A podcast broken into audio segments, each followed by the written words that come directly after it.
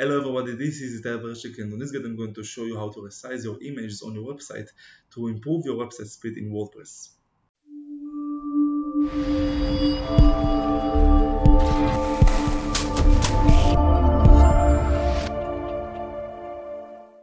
Okay, so in order to be able to resize your images automatically on WordPress, you have to download the plugin that's called Robin. Of course, you can do it manually right here on the media. Just choose an image, click on it, and let's say I want to resize this one. Just click on Edit Image and Scale. Right here, you can see that you can edit your image scale by pixels, and of course, according to GTmetrix or PageSpeed that recommended you to do that on the exact size that they recommended. After that, click on scale, and this is how you do it manually, one by one. Just go and change the image size.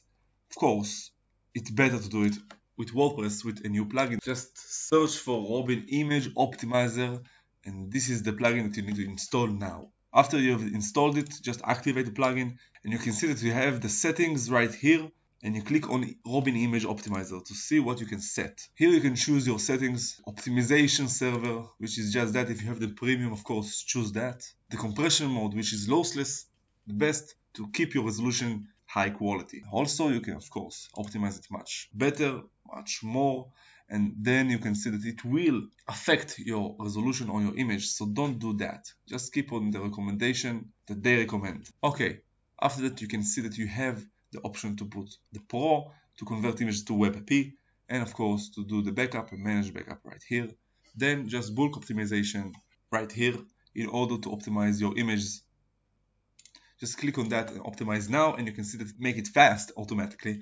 And you can see on this table what is the initial size, the current size, and what you have saved. Of course, if you didn't save anything, because I've already done it on all of the sites, you will see 0%. But if you have a new image, of course, it will show you how much you have saved. And this is how you do it. This is so, it's very easy to resize your images in WordPress without damaging the image quality. If you have any more questions, you can write down in the comments below when I comment. And on the first comment, I put the link to my full guide on my website. And if you like this video, you can like, subscribe, comment, and share. And good luck.